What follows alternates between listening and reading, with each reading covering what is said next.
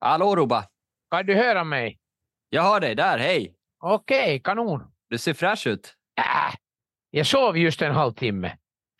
Ja, kanske därför. ja, man kommer igång lite så att säga. Bli vår gäst. Bli vår gäst. Sätt vår service på en test. Knyt servetten kring din hals, chérie, för här ska det bli fest. Soup de jour, små d'oeuvre, det är det vi lever för. Det känns otroligt kul att återigen få välkomna Finlands, kanske Nordens, kanske världens, men i alla fall Finlands, kanske Nordens eh, största och mest meriterande säljcoach Mika D. Rubanovic, också kallad Ruba. Varmt välkommen till Stjärnkällarpodden. Wow, hejsan hejsan. Jag är Ruba, inte rubbad. Ja, men ja, Ruba sa jag väl? Eller hur? Det är en taktik jag har. Jag börjar med att säga fel på, på gästernas namn här med flit. Ruba, Det är okej. hur är läget? Kanon, fint. Eh, Det har varit iskallt här i Finland, men, men mot våren hela tiden. Eh, Det hände ju mycket i Finland här i helgen. Det var både presidentval och ni hade melodifestivalfinal, valde, valde deltagare där. Är du nöjd med de två vinnarna, Stubb och Windows 95-mannen? det, är liksom, det är så bra marknadsföring. Eh, eh, Min, Microsofts chef gjorde en sån här LinkedIn-post när hon skrev in att, att lycka till Windows 95-mannen och eh, vi försöker dock uppdatera våra, våra system. De var glada. Och eh, Alex är ju min bekant för många, många år tillbaka som blev president. Och jag är mycket glad över att han vann.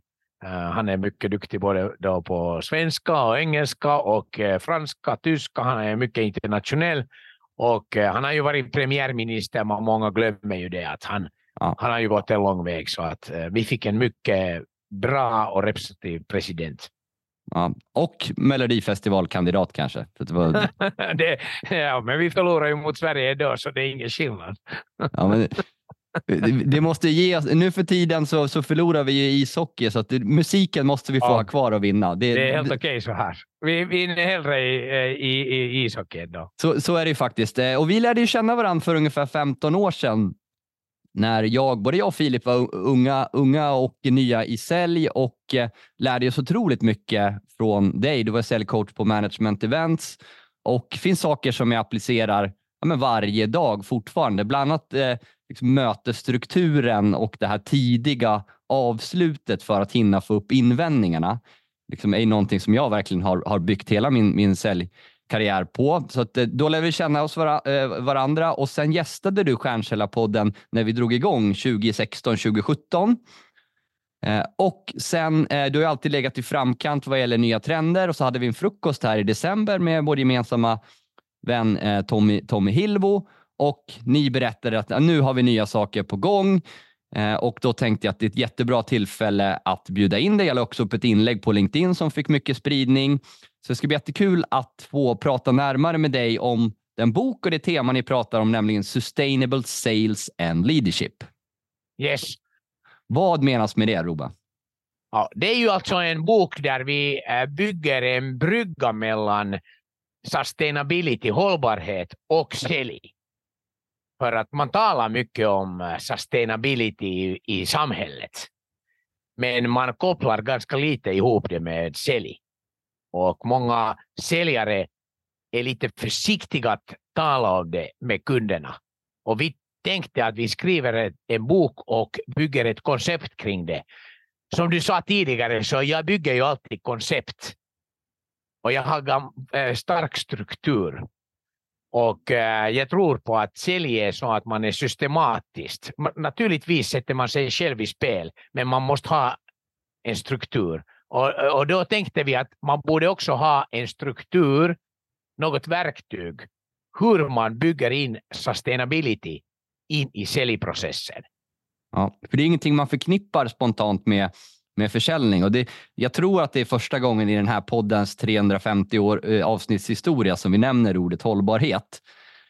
Eh, Därmed Det- inte det- sagt att det vi bryr oss, men, men, men det är liksom ingenting som, som, är, som har korsat den här vägen. Nej, och det är liksom, om man tittar på säljchefer, hur många säljchefer tar initiativet och eh, själv diskuterar om det. Jag menar, man ser ju om diskussionen i samhället och i företag, men vem är det som driver eh, hållbarhetsdiskussionen i företag i, eller inom företag? Det är ju sustainability directors. Det är de som kommer från, det är lite på utkanten i företag. Men hur många svenska säljchefer hör du att talar själv om hållbarhet? Ja. ja, men det kanske är fler efter det här avsnittet då. Vi får se. det kan vara. Men, men vill du berätta mer liksom varför ska man implementera det här? För jag kan ju förstå på ett rationellt plan att hållbarhet är bra när jag källsorterar eller när jag eh, ska fly, flyga utomlands så kan jag liksom koldioxidkompensera och sådär. Men varför ska jag implementera det i mitt jobb och min säljorganisation? Och eh, svaret är enkelt, därför att det kommer hela tiden eh, press från slutanvändarna. Kanske inte vi tänker så om vi säljer business to business, men om du tänker till exempel ett hotell, du säljer till exempel eh, mattor, eh, mat, byter mattor till dem eller, eller sköter om deras eh, kläder eller någonting sånt, så, så tänker man okej, okay, vad har det för betydelse i förhandlingen med det här hotellet? Men hotellets gäster, de slutkunderna som sover och övernattar där, de börjar kräva hållbarhet.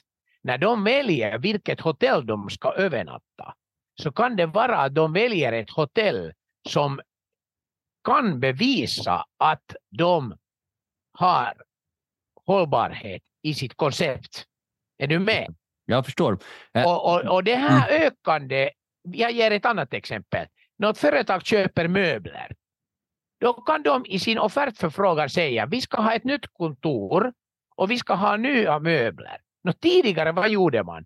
Man köpte 100% nya möbler till ett nytt kontor. Men nu kan det vara i offertförfrågan att de säger nej, vi ska ha 50% av möblerna ska vara Eh, andrahandsmöbler. För att vår personal kräver att vi är hållbara som företag. Så att det är rekryteringskriterium när du rekryterar folk så kommer dina blivande arbetstagare kräva att deras arbetsgivare är, eh, liksom tar sitt ansvar i de här sociala frågorna. Eller till och med i datorerna finns det här att i offertförfrågan kan det vara att de ska vara second hand datorer eh, 25 procent av all samtliga datorer. Ja, det där är intressant. Har du något exempel i liksom business to business sammanhang med liksom tjänsteförsäljning eller vad det nu kan tänkas vara kopplat till sustainable sales? Ja, det, det finns Lindström som just äh, bearbetar med mattor och arbetskläder och så vidare. Det kan vara Dustin som är ett svenskt företag som också jobbar i Finland som jobbar med datorerna. Martela som jobbar med möbler. De här är alla verkliga exempel. Ja. Anledningen till att jag tycker att det är intressant att ha dig är ju för att det här är inte första gången som du kommer på ett nytt koncept eller en ny trend, utan jag har ju följt dig under åren och det har ju poppat upp en del. Eh, men om man tittar tillbaka de senaste 20 åren, vilka skulle du säga är liksom de största skiftena inom försäljning? Absolut, nej, det här största har ju varit den här digitaliseringen som eh, förändrade totalt hur vi integrerar oss med kunder och genomför transaktioner. Och covid kanske hade den största betydelsen på det sättet att vi började automatiskt föra in Teams och uh, Zoom och så vidare, alltså fjärrmöten som en del i den där processen. Också det har med hållbarhet att göra, det vill säga att man kör mindre eh, med bilar. Så det är en stor ändring i samhället hur mycket vi då träffar kunden face to face. Och det, innan det kom det då inbound marketing, det vill säga HubSpot och Salesforce, hur de utvecklades. Och eh, det är liksom två megatrender. Före det hände det inte så mycket på tio år. Men sedan kom liksom inbound marketing 2015 kan man säga, eh, då HubSpot började bli mera eh, typiskt och efter covid 2019 kom in fjärrmöten. Så de två sakerna har ändrats mest, säljprocessen. Mm. Ja, men utöver de här två megatrenderna, finns det annat du har sett i skiften under dina 23 år som säljcoach? Ja, en stor sak har ju varit tidigare, det talar man om kundupplevelse, men det blir allt viktigare hela tiden att man snackar om, om eh, arbetstagarupplevelse. Det vill säga att hur de talenterna, hur ska man hålla fast vid talenterna i bolaget? Man säger att först kommer det att de anställda mår bra och det reflekterar sedan till kunderna. Och det har man då koncentrerat sig mycket på eh, här i Finland åtminstone. Ja, men det upplever jag en stor skillnad, kanske framför allt inom sälj, att eh, det var ju på, på ett sätt eh, hårdare många gånger förut, liksom en annan personalpolitik. Och i vissa fall så har det kanske till och med gått lite för långt åt det andra hållet, att det har slutat ställa krav. Och, och så så jag tror många har liksom gått från, från att det varit väldigt hårda krav, om jag, om jag ska generalisera, till att det har blivit väldigt mjukt, till att man har tittat liksom ett mellanting och insett att krav i sig är inte dåligt, men men det finns andra saker som, som är viktiga. Det kallas till minimalistledarskap. Och faktiskt eh, Frank Martela har skrivit om det eh, och det har publicerats i Business Week. Han har då lanserat en term som heter minimalistledarskap. Och det är just det att man ska då ge totalt ansvar för de eh, säljarna och det har blivit mycket mjukt det här ledarskapet. I princip ska vdn eller säljchefen göra sig själv liksom eh, en person som inte behövs mera i organisationen. Och eh, det är något som jag har lite svårt med om jag är helt uppriktig. Att det, det låter bra teoretiskt, men det som jag har sett i praktiken är det att sälj måste man leda. Ja. Jag tror att vi, vi eh, delar eh, den, åtminstone att det, krav är inte dåligt i sig, utan, men det finns många saker som har blivit mycket bättre också kopplat till personalpolitik. Absolut, och eh, en del av det här sustainable sales är ju enough is enough. Vad menas med enough is enough? Alltså, handlar det om kan du ge ett exempel? Alltså är det att sälja, att man ska sluta sälja eller liksom, vad menar du? Nej, men man menar med det att det är att erkänna gränser och värdesätta balans i livet eller mellan jobb och fritid. Det betyder inte nödvändigtvis att du jobbar mindre eller att du har sämre resultat, men kanske att när du jobbar så jobbar du effektivt, men att också det att, att, att, att äh, är frågan då att kan man kräva att, att de anställda är, att man når alla 24 timmar i dygnen, ska man jobba veckoslutena, utan kanske det att man söker att det finns vissa gränser och eh, just att det finns en balans i livet och eh, som din kollega gör att han kanske är en del av året i Schweiz, på Alperna och så vidare, så att man kanske ger mera frihet. Det finns många företag som accepterar att deras anställda jobbar fjärr. De bor kanske i södra eh, Europa och jobbar och man kräver inte att de är fem dagar i, i veckan på kontoret. Ja. exempel. Ja, men det, det där tror jag på och hänger ihop lite det vi pratade om tidigare, att man satsar på anställda och eh, vår vision är ju att vårt bolag ska vara ett verktyg för de anställda att leva de liv de vill leva. Eh, och Det hade inte jag trott på för 10-15 år sedan, att, att, det är den, att det är så man eh, bygger en framgångsrik personalpolitik. Så där håller jag verkligen med dig om fokus på enough is enough. Men går det att applicera även mot kund och i sådana fall hur med enough is enough? Eh, i alla fall om du kombinerar det med eh, den här säljprocessen där du kan jobba fjärr i säljprocessen. Men naturligtvis, om du ska träffa kunderna face to face, så då eh, kan du ju inte vara i södra Spanien alltid, utan då måste du kunna träffa kunderna. Och, och, men det är frågan att och sen en annan fråga är hur mycket kreativitet. Det finns en hård diskussion att om vi ska vara kreativa går det faktiskt över Zoom eller Teams? Eller, eller bör man sitta tillsammans fysiskt? Och det finns många undersökningar som understryker att man borde träffas fysiskt. Och, och jag känner nog fortfarande att, att, att man får mera ut av det att vi, vi träffas fysiskt. Och många av mina kunder har börjat kräva igen att vi har coachingstillfällen där alla samlas fysiskt. Kanske det sämsta resultatet är ett möte där hälften är fjärr och andra hälften sitter i klassrummen. Då, det är liksom, jag tror, för mig själv, det ger sämsta resultatet. Ja, men jag köper det. Eh, men om man ska hands-on då, var börjar man rent praktiskt med sustainable sales? Ja, det är en fantastisk fråga för att eh, man, man, borde ju liksom få först en, förstå att hur det påverkar vår försäljningsprocess och identifiera de områden där förbättringar kan göras inför hållbarhet.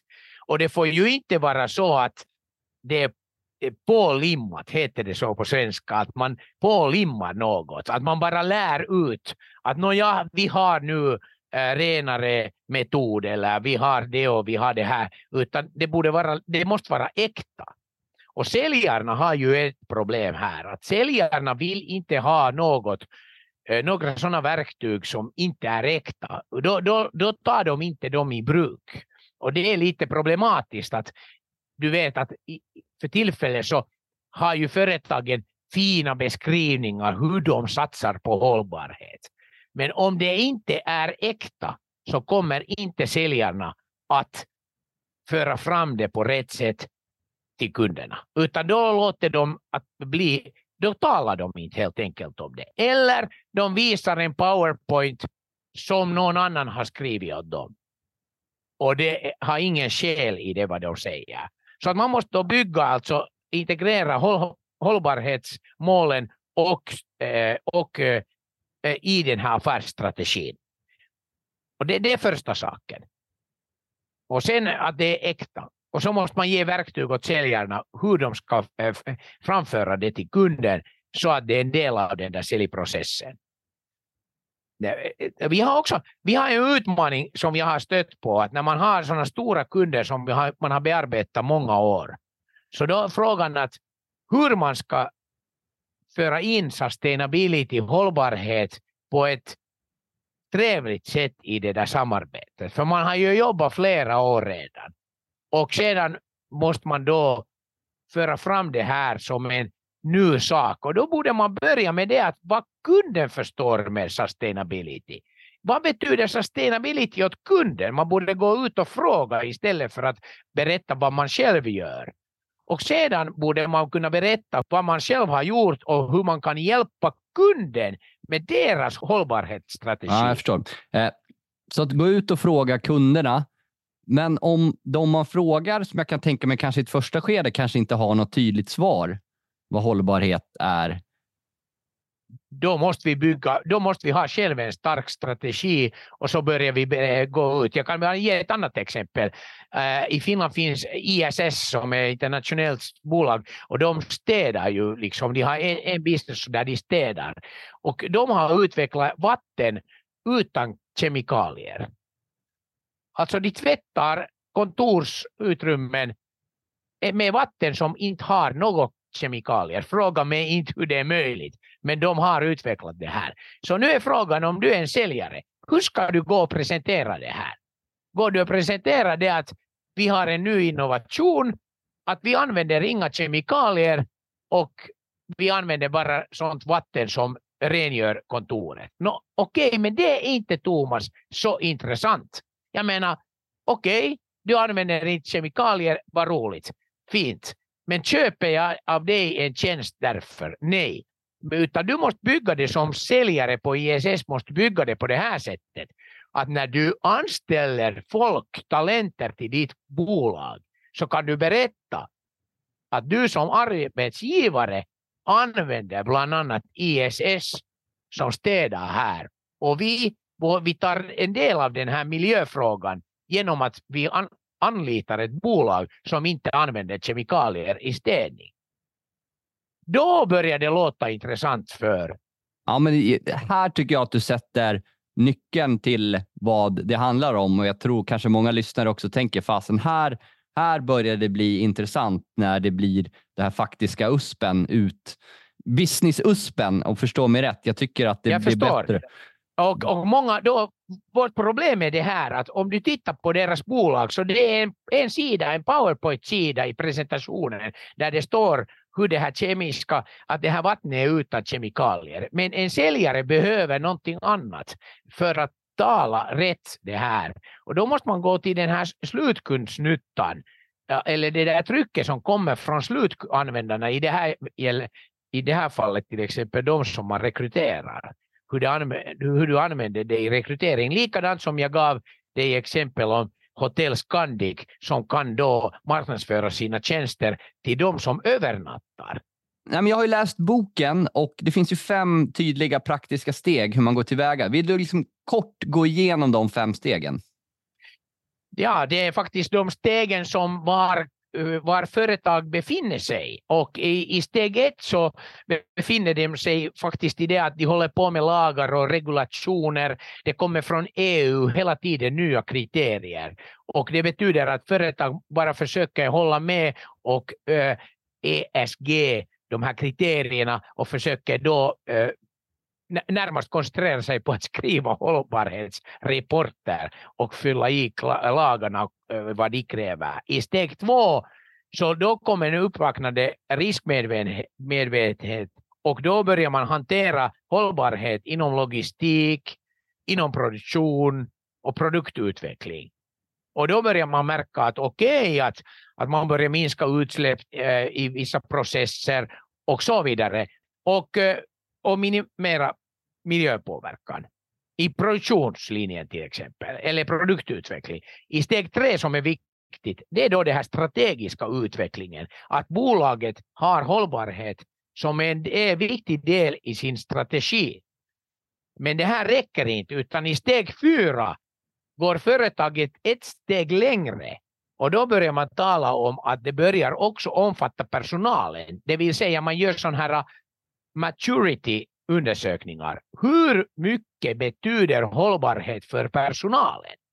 Och man brukar diskutera att det är på en bra nivå om 75 procent av personalen tycker att hållbarhet är viktigt. Men det finns Thomas sådana företag där i undersökningen det är bara 40 procent av personalen som tycker att det är viktigt. Och då måste man bearbeta först sitt eget personal. Och, och först och det här sista steget har vi skrivit boken om. Och det är det att när man börjar ta hållbarhet till slutkundsförhandlingarna där även säljarna har fattat vad det är frågan om och kan kommunicera det på kundmöten. Och det här är en lång väg från steg ett till steg fem. Ja, alltså jag tänker försäljning handlar ju mycket om tydlighet och göra det enkelt för kunden att fatta rätt beslut. Hur ska man då tänka kring att få in ytterligare in en aspekt? Visserligen positiv, men för att man inte ska krångla till det, om du förstår min mm. fråga. Jag förstår din fråga och många, många chefer äh, har svårt att nu balansera med det här. Just därför att de upplever att för vi in ännu det här sustainability i processen så kan ju till och med om vi talar för mycket om sustainability så kan våra potentiella kunder till och med tänka att vår pris är för högt. Och om de inte värdesätter det eller om de inte upplever slutkundstrycket själv så kan de vara att de väljer vår konkurrent. Och därför måste man vara liksom, det här är en jättesvår eh, eller svår med balans när man ska föra in hållbarhet även dit till slutkundsmöten. Men jag ska säga till dig att jag måste eh, tyvärr så har vi märkt här i Finland att många bolag är ännu i steg ett där de bearbetar de här sustainability report, rapporterna bara för att uppfylla de minimikraven som lagen, lagar och EU kräver och för att du ska jobba överhuvudtaget i Europa. Och de storföretagen måste fylla vissa ESG-krav. Men från det är det lång väg till att vi är i slutkundsmöten. Men, men, men, för små och medelstora bolag, jag tänker som vårat exempelvis. Som vi, vi har inga företagsbilar utan vi försöker att mesta möjliga mån ses i, i stan, gå eller ibland taxi. Men, men liksom, ja, vi har inga företagsbilar, vi åker alltid tåg om vi ska ses någonstans.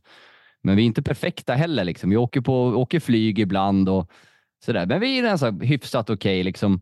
eh, vad, vad, kan ett bolag som är så, vi är fem anställda, om man är så små och medelstora och, och vad, vad, kan, kan vi prata om som en, en USP i en förhandling för att uppfattas eller vara mer hållbara? Absolut inte det att du börjar snacka om att vi har, gett, vi har inga bilar och vi åker med, med liksom tåg på det här mötet. Det har ingen betydelse i den här frågan.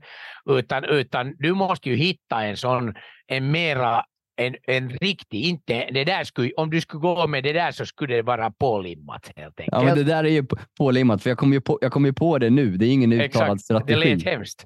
Så att det där, så att därför så, så du, och om ett lite mindre eller fem personer är ju ganska litet bolag om du jämför nu med Ramboll, Lindström, ISS, de är ju storbolag. Processen börjar ju Thomas från de storföretagen. Och det är också de som de här lagarna gäller mest. Men naturligtvis måste man bära sitt ansvar och om jag tänker så att du skulle, du skulle kunna, i alla, i alla fall borde du ha en sån här, man säger att en, man talar i business customer promise, men här borde du hitta en sustainability promise. Att på något sätt borde du bygga in det i ditt koncept. I alla fall att du är förberedd på det när första gången någon kund kräver det av dig eller frågar dig så kan du ju inte svara att jag åkte med tåg på det här mötet. Utan du måste ha ett bättre svar. Ja. Men jag tror att eh, mindre och medelstora, speciellt medelstora företag kommer att få det här ganska snabbt, för de är ofta underleverantörer till de här storföretagen. Och eh, hela den här logistikkedjan ingår i hållbarhetsanalysen. Och det vill säga om du är underleverantör till ett större bolag så kommer du att bemöta den här frågan om hållbarhet för att kunna leverera till din kund, det vill säga det här storföretaget, så måste du också uppfylla de här kraven. Jag förstår. Så, så det är ett hållbarhetslöfte. Jag är väl kanske inte den enda, så jag skickar ut den till, era, till alla som lyssnar. Så vad är ditt och, och ditt bolags eh, hållbarhetslöfte? Exakt, och när du gör en LinkedIn-post så borde du fråga att skriv under vad är ditt hållbarhetslöfte. hållbarhetslöfte. Men ni pratar ju om sex stycken virtues på engelska, själar på, på svenska, om man använder det ordet. Eh, vilka av de här skulle du vilja lyfta fram som är extra viktiga, i, speciellt om man är säljare? Som säljare så helt det här radikal transparens som är vår tredje skäl i den här boken som vi visar upp. Och det är ärlighet mot kunden så att du bygger förtroende i försäljning. Det har man ju alltid Thomas talat om i sälj att man ska bygga förtroende. Men här får ärlighet en helt annan liksom, nivå. Det är till exempel att du öppnar din täckningsbidrag till kunden. Eller att du ärligt berättar att hurdana problem vi har haft och du till exempel om reklamationer så går du igenom med kunden två gånger per år eh, de här processerna och du, du, du alarmerar kunden redan när du själv märker att vi har problem och inte väntar på till exempel att kunden reagerar. De flesta säger ja men det här gör jag ju nu redan. Men det är på en helt annan nivå där du bygger radikal transparens. Ja, det jag gillar det där med täckningsbidrag i det fall det är lämpligt. Och det, det är ju en fråga till exempel att om någon gör det först. Att så här mycket pengar fick vi in äh, av vårt samarbete och det här är det du fick och vi har hjälpt din business att utvecklas så här, så kommer ju den här kunden att kräva motsvarande av samtliga säljare i framtiden. Och om du är den första och kunden får en bra upplevelse av det och de andra vill inte göra det, så tror jag att man kan vinna business på det här sättet. Och nu är ju säljarna jätterädda. No, men då kommer de att säga att du fakturerar för mycket om jag, om jag visar vårt täckningsbidrag. Men det här är ju det här som jag försöker föra fram. När är vi färdiga att göra någonting som är radikalt annorlunda än de flesta gör på marknaden? En annan som jag skulle vilja lyfta upp är, är innovativ vision. Och det går ungefär på det här sättet du säger så här åt kunden. Eller om vi tar delad glädje också. Så du säger till kunden, Thomas, vad skulle göra så att vi kan dela glädjen? Att, att när vi samarbetar här, vad skulle göra dig glad? Eh, vad är det som skulle kunna göra så att när vi träffas igen om ett år, att vi båda kan säga att vårt, vi, vi delar glädje. Vad är det, vilket är viktigt för dig och din personal och för dina kunder? Egentligen så för man ju en sån här diskussion, men kunderna och säljarna speciellt behöver lite mera verktyg för den här diskussionen. Och för det byggde vi då sex olika skäl som baserar sig på din nordiska världen. Okej, okay. men, men jag, jag, tänker att om jag skulle ställa det till, till mina kunder så skulle de antagligen säga det som jag utger mig för att hjälpa till med, nämligen ja, men då har vi ökat försäljningen så och så mycket. Mm. Men då ställer du en annan fråga. Utöver det, har du några andra värden som är viktiga av dig än bara en ökad försäljning? Som mm. kanske relaterar sig till hållbarhet eller din personal eller miljö eller något sånt. Ja, men det är bra. Det är bra. Jag, jag, jag ska testa den. Jag tror att det, det här kan, avsnittet kan vara en tankeställare för många. Alltså, hur kan jag applicera det här på mig idag och vad måste jag göra stegvis för att hänga med? Exakt. Du kan vinna marknaden med det här. Jätteintressant att höra dig prata om någonting helt nytt. Första gången i, i Stjärnkällarpoddens historia pratar vi hållbarhet. Så stort tack för det, Roba. För all del. Tusen tack. Det var jättespännande. Uh, och uh, um, ja, men, uh, två, två bra händelser här i helgen för Finland och för Sverige då veckan efter när det här avsnittet släpps då till alla våra svenska lyssnare att man får höra dig. om man vill kontakta dig, Roba, hur gör man då? Ja, då går man bara och tittar på Rubatok på TikTok. För jag har gjort det nu, liksom TikTok, eh, jag har redan två och halv miljoner eh, det här eh, views där på två månader. Så att jag har ändrat hela tiden, hela strategin. Så att på TikTok kan man följa mig. Rubatok på? Rubatok på TikTok. Även äh, stort tack för att du ville gästa Stjärnkällarpodden och så ses vi ute i eh, LinkedIn-flödet och i nästa veckas avsnitt alla lyssnare. Ha en riktigt bra vecka. Tack.